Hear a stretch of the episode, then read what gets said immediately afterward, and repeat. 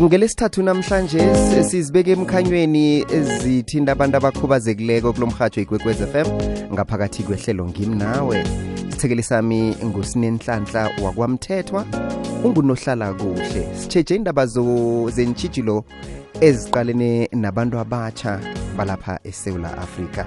Sinelotsha ngiyakwamukela emhatshweni omkhulu ikwekwez fm ngaphakathi kwehlelo ngimnawe uvukile sesi ngivukile but senibona nibalaleli usinenhlanhla wakamthethwa u-social worker. Eh ngibingelela bonke abalaleli abalaleli ngalesikhathi ngizothi nje tshela nabanye besondele ngoba wonke umuntu uzosizakala njengamanje. I-information ibalulekile. Ulwazi libalulekile wonke umuntu akasizakala akwazi ukuthola ulwazi. Ngiyabonga msakazi wami. Sithokoze khulu kwambala happy wednesday. Yazi uyivule kamnandi nangomfutho ukukhombisa ukuthi siphethe ilwazi eliqakathekile ngaphambi kokuthi singene phezu kwayo kafitshazana nje ungasitshela ngomsebenzi eniwenzako nehlangano yakho njengoba nasazi ukuthi nithinde zona nokutshetsha zokukhubazeka. Ngiyabonga kakhulu msakazi. Eh ngoba sengishilo ukuthi ngiphuma ka-mental health. Ka-mental health sidila ngabantu abakhubazekile.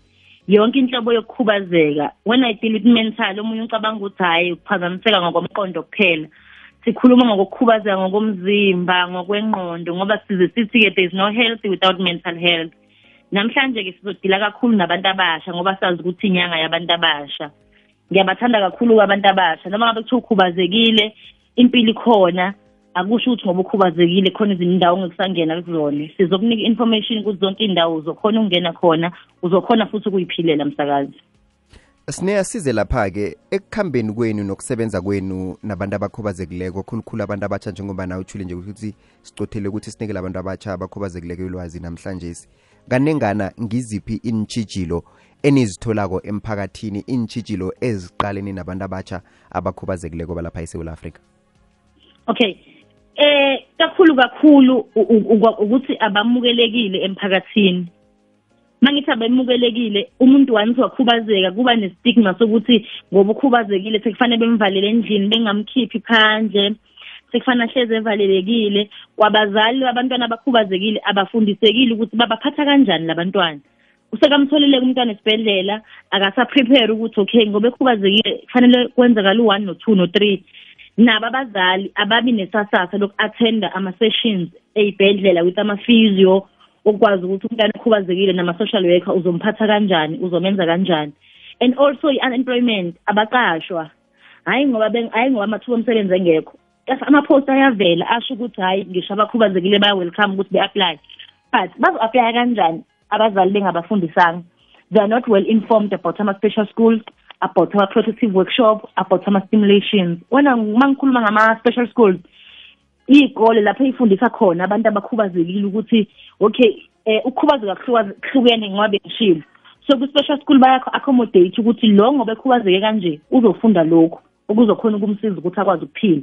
Ama-stimulation we stimulate ama-skills uh, basic skills bokwazi ukuthi umuntu akwazi ukuphila. Noma bethi umzali usekadlulile emhlabeni akakwazi ukuyiphilela. Uzokwazi nawe mzali ukwazi ukuhamba uyofuna umsebenzi ukwazi ukwazi ukuthi uyiphilele.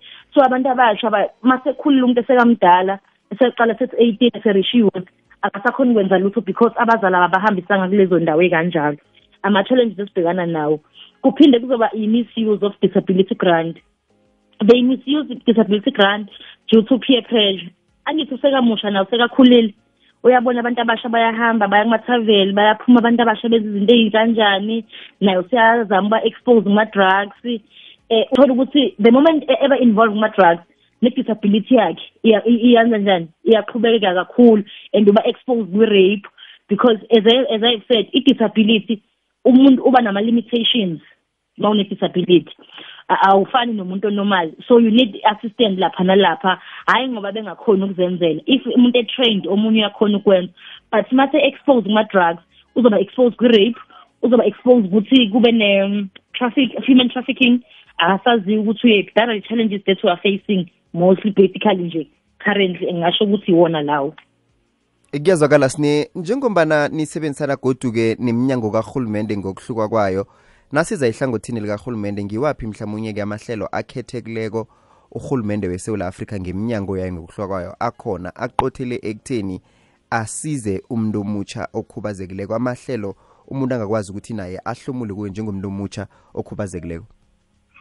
Eh ikakhulu ikakhulu nje umuntu omusha okhubazekileyo ngizoqala ngo-department of health isibhedlela. Isibhedlela is there with ama-mobile device. Ukubasiza mhlawumbe umuntu udinga walking stick hearing, hearing device hearing aid sorry eh udinga also ama-physio ukuthi alekelelwe. Mhlawumbe omunye ukhubazeke ngokomzimba so udinga i-physio ukuthi imlule.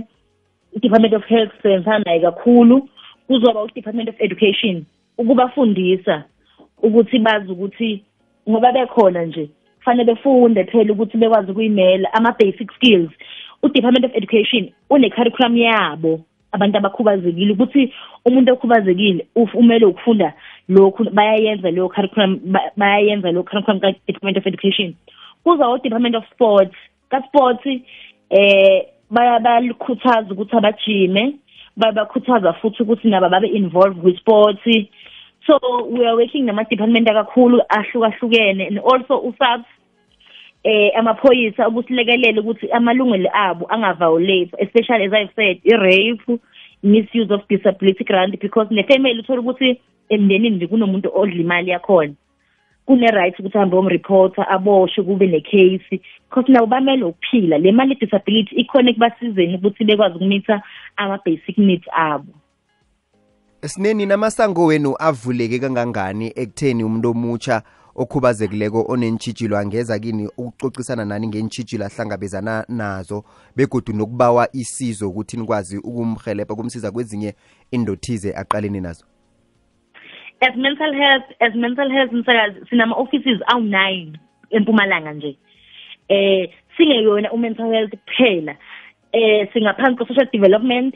So uthola ukuthi umuntu okhubazekile engeza kwa-mental health engaya ka-social development engaya ka-defsa umnyango yethu ivulelekile ukubalalela.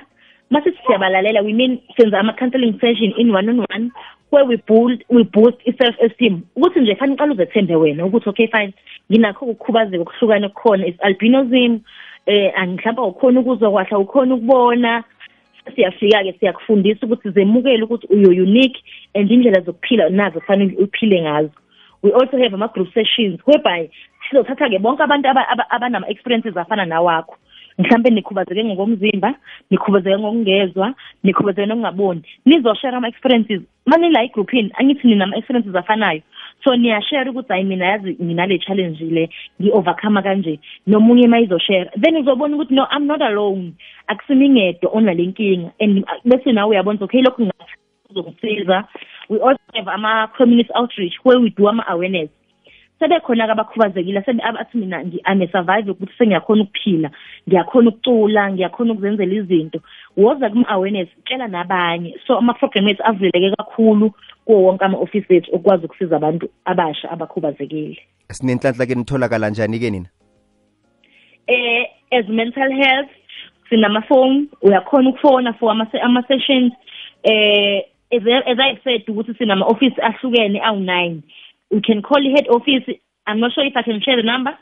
Ngifuna yona dadewethu ungasinikela kunamraro. Okay. Eh we had a head office ongakhola kho ungafona ukwazi ukuthola uthandeka usho ukuthi ukuphi nempumalanga. Uzobe siyakutshela ukuthi okay mawuse Piet Retief uzothola ubani? Mawuse Emele uzothola uba. For that number is 081 731 1208 ungasibuyelela yona? Iye. Mangizoyiphinda is 081 731 1208 mhlawumbe komunye uzothi hayi mina sine ngicela ukukhuluma nawe eh efonini. It's okay i can also share my number. Athi hayi ngicela ukukhuluma nawe over the phone eh ungi-advise eh ngine challenge kanje kanje. It's fine you can call me eh 081 again. 733 48 52 uzothola uthi nenhlahla mthethwa lapho.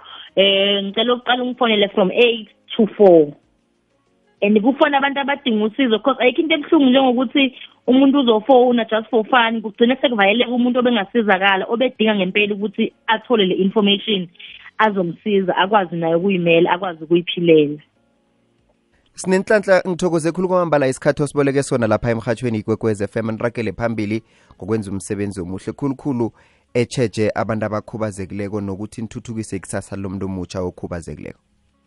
Ngiyabonga kakhulu msakazi. Ngicela nje ukushiya abalaleli ngokuthi there is no health without mental health meaning you must make sure ukuthi you healthy mentally so that umzimba wakho ungeke wenze njani? U-affecteke because ngisho ungaphathwa ikhanda awukhoni ukufunctiona kahle.